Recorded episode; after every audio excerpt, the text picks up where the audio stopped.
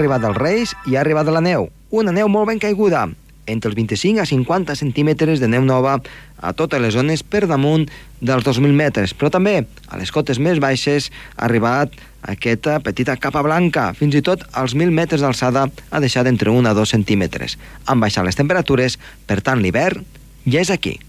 Comença el torn.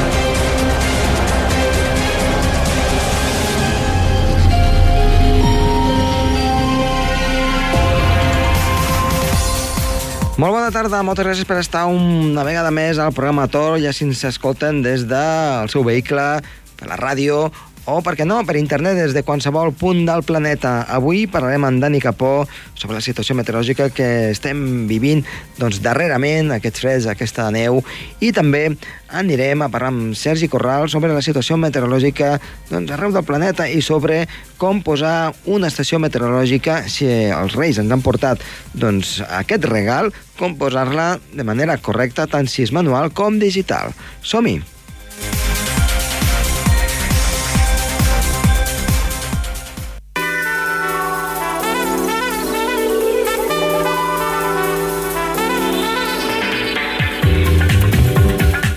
Iniciem aquest any 2016, eh, com sempre, parlant amb Dani Capó. Bon any, Dani. Bon any, bona tarda. Bona tarda. Escolta'm, eh, com ha anat eh, aquest final d'any, aquest inici? Molt bé, molt bé. Ha provat bé, no? Sí, sí, sí, ha provat bé, ha anat, ha anat, ha com toca. Molt bé, això és important, començar amb bon peu.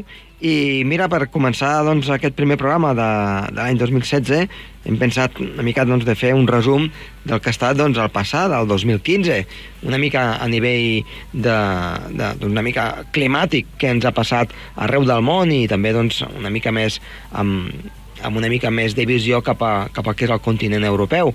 Que ens pots parlar de, del tema doncs, global i també suposo que amb aquesta afectació del Niño?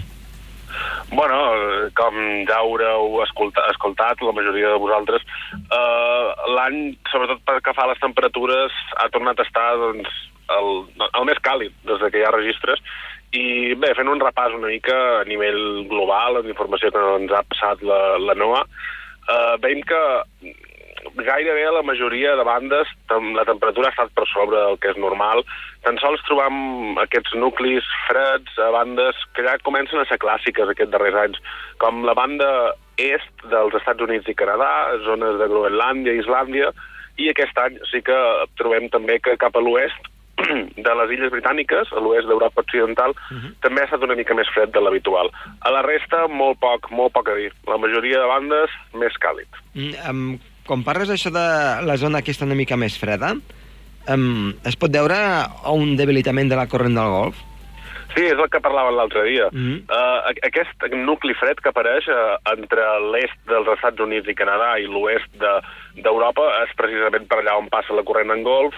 Ja vàrem aplicar aquesta hipòtesi l'altre dia i mira, any rere any sembla que n'està reforçant, encara que encara queden més anys per veure si realment això està passant i té a veure amb el debilitament de la corrent del Golf i amb la fusió del gel àrtic. Veurem. Mm -hmm. I això pot tenir conseqüències a Europa? Em vas parar una mica, però vull dir, creus que a curt termini podria tenir alguna altra conseqüència? O serà molt, molt suau aquesta davallada de temperatures i pràcticament no... ens anirem acostumant sense notar-ho?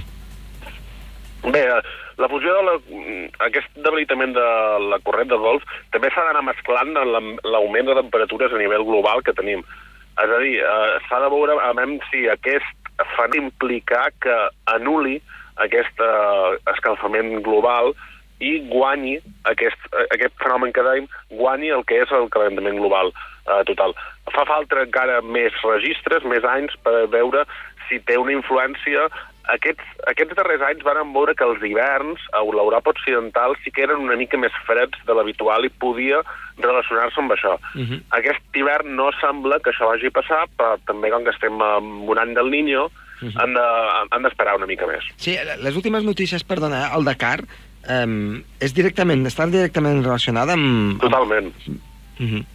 Totalment. Aquella banda de, de Sud-amèrica i tal sí que eh, sembla ser molt més plujosa amb anys del Niño, ja que a les costes de Xile, on normalment hi ha una corrent freda, eh, enguany per al Niño hi ha una corrent càlida, per tant més evaporació, més precipitació, sobretot a una zona allà on hi ha molt de relleu.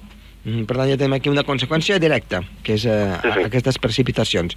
I més a nivell, diguem-ne, més continental, més de l'Europa continental, què ens pot explicar d'aquest any 2015? Bé, a l'Europa, l'Europa eh, en general, les bandes més plujoses han estat, com he, com he comentat, a l'oest de, de les Illes Britàniques, allà on també ha estat un pal més fred, també ha estat una mica més plujós. Allà hi ha plogut bastant, bastant, sobretot, eh, com dèiem, zones d'Irlanda del Nord i tal, eh, bastant. A, Isla a Islàndia també, i després ens n'hem d'anar a l'Europa de l'Est, països com Ucraïna, Romania, Turquia, Bielorússia, bandes de Rússia també.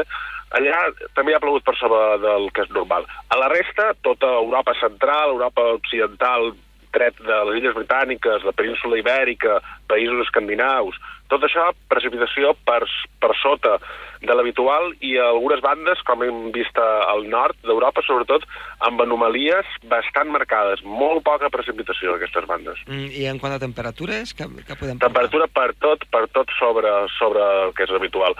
Hi ha bandes eh, de Rússia, del nord de Rússia, sobretot, nord de Noruega i Suècia, amb anomalies molt marcades de fins a 3 graus per sobre del que és normal. Uh -huh. Ja eh, ja hi ha, hi ha evidències bastant clares que el canvi climàtic afecta molt més a les regions properes al cercle polar, tant àrtic com antàrtic, que a l'equador. A l'equador veiem unes pujades de, de temperatura bastant més suaus. Mm -hmm. Per tant, sembla que es compensa pel nord, no?, aquest efecte.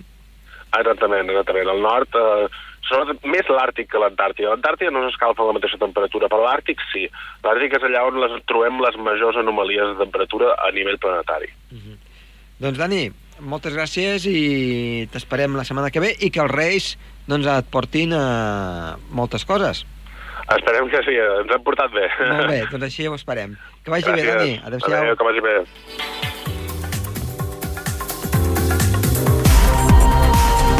El torn amb Josep Tomàs.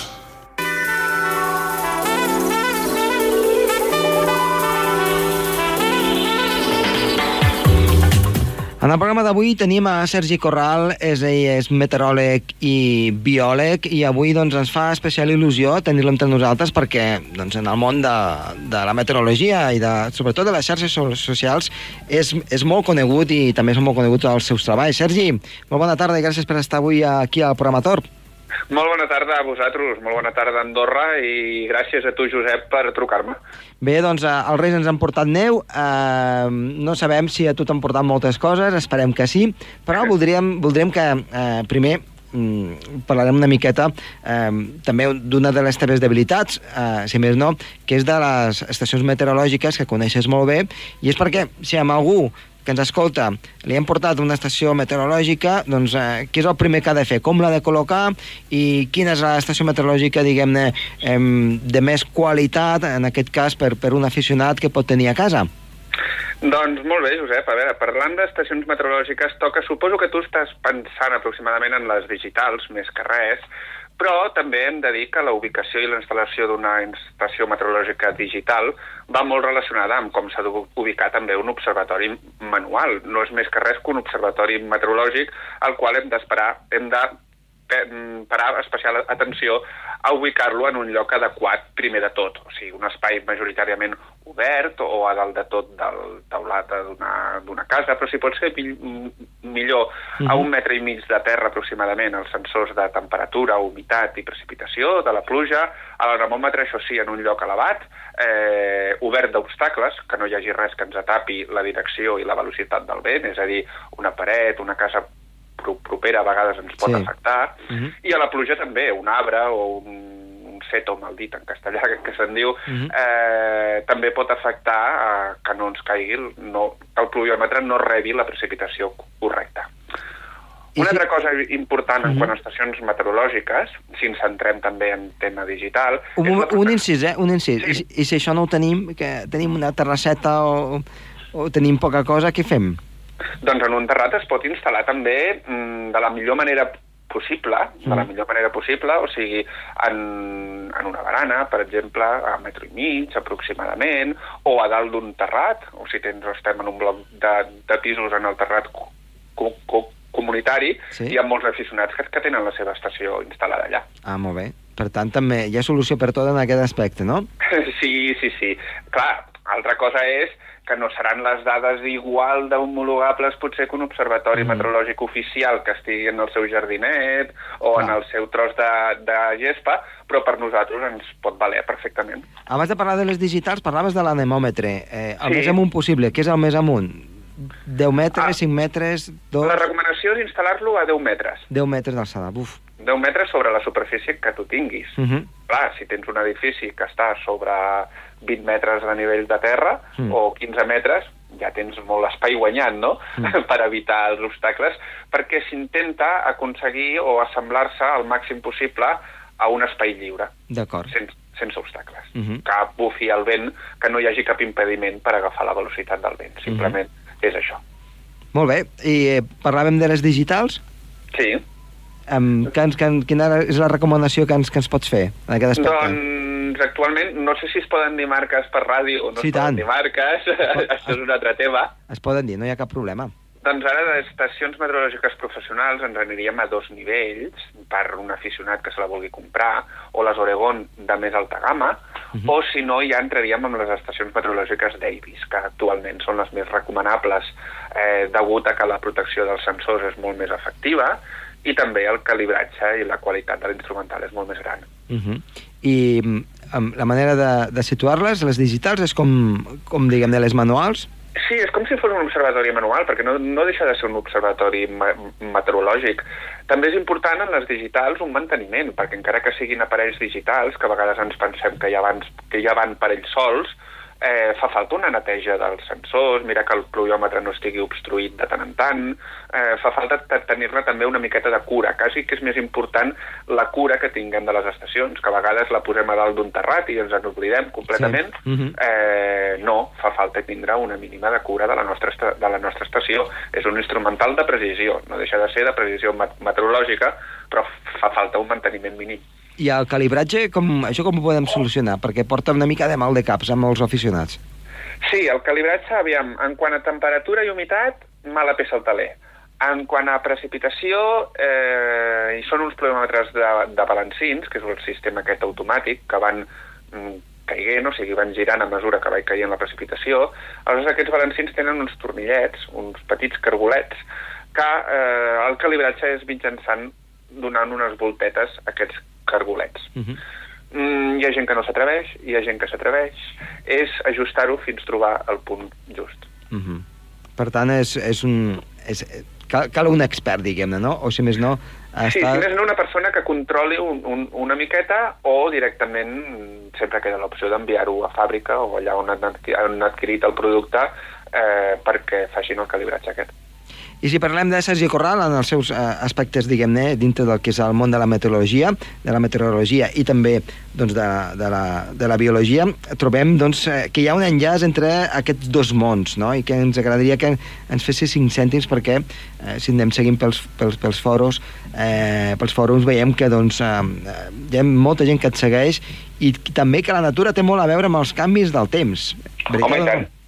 Home, i tant. Les plantes, bàsicament, la vegetació es distribueix o viu eh, depenent les condicions climàtiques i de terreny també que tingui en el seu, en el seu indret. Aquí a Andorra podem tenir el cas, per exemple, de les pinedes de pi negre, de pi roig, sobretot les de pi negre, que creixen a, part a partir d'una alçada, eh, suportant certes condicions climàtiques o si ens n'anem ja més cap a la península, més cap a Europa, les fagedes que necessiten certa quantitat de pluja per sobreviure, és a dir, les condicions climàtiques de pluja, temperatura, precipitació, radiació solar també, limiten el creixement de la, de la vegetació i modelitzen la seva distribució. Mhm. Això hem d'afegir el sol, el terra, no és el mateix un terra de pissarres, de granit, que una roca calcària que ens poguéssim trobar a la serralada litoral catalana o al Garraf, per exemple, ara se m'està acudint, o inclús en llocs del, del, del Cantàbric o del sud de França, no? Uh -huh. eh, això també limita molt mm, el tipus o l'espècie de vegetació que es pugui adaptar a aquestes condicions o no. Està íntimament relacionat. I els projectes de, de, del Sergi, quins, quins són ara mateix en aquest món? Doncs mira, ara fa 4 anys, aquest any farà 5, que estic treballant, bueno, faig la Socoma del Temps de Ràdio L'Escala, un poblet de l'Alt Empordà, el límit just entre l'Alt i el Baix Empordà, però és Alt Empordà. Eh, és una ràdio local, faig la previsió de dilluns a divendres, Eh, el 2013 vaig acabar ja els estudis, vaig acabar amb el màster de climatologia, que el vaig dedicar, aprofitant que també estava a la ràdio, el vaig dedicar al tema de les tramuntanes, que ja sabeu mm -hmm. que és un vent que per allà a l'Empordà ens té bastant tocadets, eh, a més d'un, i eh, també eh, durant l'any, ara estic treballant en treball ja oficial a Barcelona i porto l'Observatori Meteorològic del barri de Sant Andreu. Uh -huh. I últimament, um, parlem una mica per damunt només, eh, del tema canvi climàtic, suposo que eh, n'haurà parlat moltíssim en, en la ràdio. Um, quin és la teva, el teu punt de vista personal? Doncs el teu punt de vista, primer de tot, és que s'ha de separar de lo que és canvi climàtic en general. Sempre hi ha hagut canvi climàtic a la, a la Terra, és un procés eh, que va al mateix temps que evoluciona el planeta, no? Eh, però, evidentment, el canvi climàtic antropogènic, el provocat per nosaltres, per les emissions, en aquest cas, de gasos d'efecte invernacle, però també de la pròpia destrucció del planeta que estem fent, dels seus recursos, de la vida, de la vegetació, de tot plegat, eh, és un fet inequívoc. La temperatura global està pujant, això, les dades són feafents i, i són indiscutibles, i ara la qüestió és saber fins on pujarà, fins quan pujarà i eh, si la Terra també té vessants per poder mitigar o poder uh -huh. amortir aquesta pujada que li estem provocant nosaltres, no? Uh -huh. eh, és un camp que necessita molt estudi encara. Jo personalment crec que encara està a les beceroles això i de les projeccions que se'n fan al futur mmm, s'han d'anar comprovant i s'han d'anar seguint any a any, aviam el que passa. Mm, agafar una mica amb pinces, no?, perquè veiem que eh, doncs dècada a dècada, doncs, els, evidentment, el, les, les tècniques de mesurament doncs, van canviant i això fa doncs, que, que les situacions no siguin les mateixes al final, no? no? i que darrere també hi ha un negoci, que no deixa d'haver-hi un negoci dels països, de les potències mundials, que també està en joc l'economia, uh mhm. -huh. i a vegades nosaltres no som ningú per dir-li a certs països en ple desenvolupament de, escolta'm, noi, para la indústria perquè estàs emetent molt i estàs contribuint molt, quan uns anys més, ta, més eh, fa temps ho vam fer nosaltres. Exacte, també, I, no? i pitjor i tot, eh? I, I pitjor, pitjor i tot. Mm, aviam, l'economia, morals, es barreja en molts, molts aspectes. Mm -hmm. um, al final és el que diem, eh? el, el, el temps meteorològic acaba fent el que vol, malgrat sí. eh, el que nosaltres doncs, ens agradaria que passés. Um, ja per finalitzar, Um, una mica aquest any um, hem preguntat per activa i per passiva a, tots els, a, a totes les persones doncs, que anem entrevistant el fenomen del Niño, formació, el que està passant aquest any, però quin és el teu punt de vista en aquest, en aquest cas de si el Niño ens està afectant uh, aquí a l'Europa occidental i després quina projecció pel que queda d'hivern uh, doncs, uh, has vist que, que hi pot haver?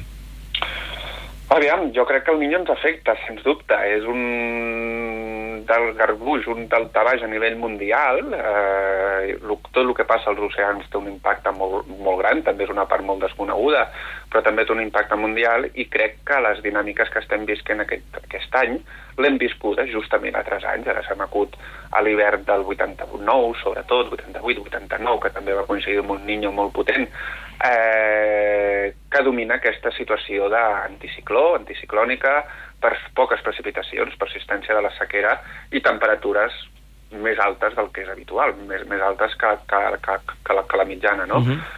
Els models apunten que s'aguantarà uns mesos més, potser després fa una mica de baixada, pel que queda la resta de l'hivern, no ho sé. Eh, els propers mes, la propera setmanes, tot dependrà d'un bloqueig anticiclònic allà a l'Atlàntic que ens pugui portar entrades a nord i una mica més de, de fred o temperatures més normals, però està per veure. Ara, de moment, sembla que la circulació de borrasques està una mica més al sud, el que anomenem la, la, la zonal. Ja tenim baixes pressions, ha nevat una miqueta al Pirineu, ha passat un front, però eh, continuem sense veure-li les orelles a la situació. Aviam, Ja. si, aviam si els canvis arriben més aviat que no tard. Esperem que sí. Sergi, moltíssimes gràcies per estar avui aquí amb nosaltres i aquesta és casa teva, com vulguis, ja ho saps. Gràcies. Molt bé, Josep, moltes gràcies a tots, que acabeu de passar molt bon dia. Adéu-siau. Adéu.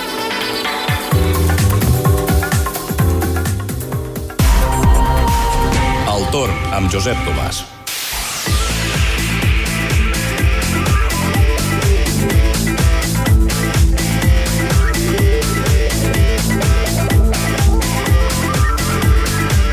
Doncs bé, anem a veure quin temps ens espera després de les nevades que han deixat doncs, aquests 25-40 centímetres a tots els dominis esquiables.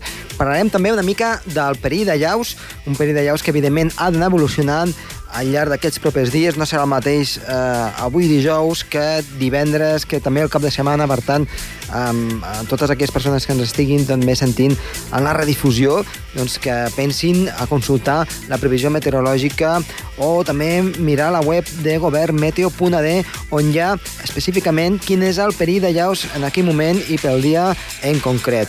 Avui dijous la situació està, en quant al perill de llaus, entre 3 i 4. 3 eh, per sota dels mm, 2.000 metres d'alçada, però per damunt està amb un perill 4 eh, degut al pas d'un esquiador que pot desprendre alguna que altra placa de vent. Què vol dir això? Ha nevat, i força.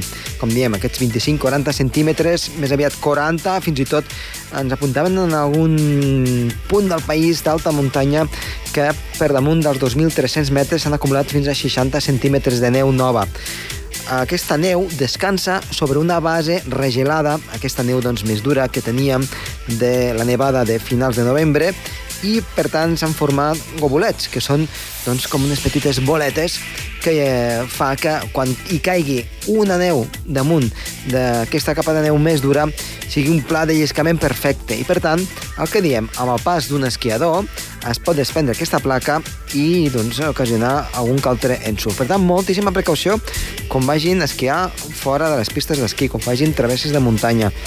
Sempre mirar aquest perill de llaus i eh, mirar quines són les zones en què doncs, puguin estar una mica més afectades. De moment, doncs, aquesta és la situació que tenim de perill de llaus. Anem a veure quina és la previsió meteorològica que apunta per aquests propers dies variabilitat. En quin sentit? Doncs ens han de creuar diferents sistemes frontals, poc actius, poca cosa. Però sí que sembla que aquests fronts el que portaran són pujades i davallades de la temperatura i això doncs, també pot també alterar una mica el que és el mantell nival fora dels dominis esquiables. La neu es pot transformar una mica i després tornar-se a regelar amb alguna feble precipitació al damunt. Per tant, de moment, la situació meteorològica per divendres, per dissabte per diumenge, marcada per aquesta variabilitat. El que de segur tindrem seran força núvols, amb alguna clariana, evidentment, però el divendres ens queda un petit front, dissabte un altre front i diumenge un altre que pot ser una mica més actiu a partir de diumenge a la tarda i fer davallar la cota de neu cap als 1.700, 1.500 metres. Encara està de veure si eh, aquesta cota de neu davallarà una mica més o no. I és que la setmana que ve sembla que arribaria una mica més de fred. Per tant, precaució. Atenció també als cims de les muntanyes amb el vent que puntualment pot bufar una mica moderat de l'oest girant al nord-oest. I també, atenció, amb les pujades sobtades de temperatura. Per exemple, demà la temperatura està previst que pugi i força a totes les cotes de les muntanyes per, tor per tornar a baixar ja a partir de dissabte i més que baixaria a partir de diumenge. En definitiva, doncs, molta variabilitat, seguir les previsions meteorològiques fil per randa.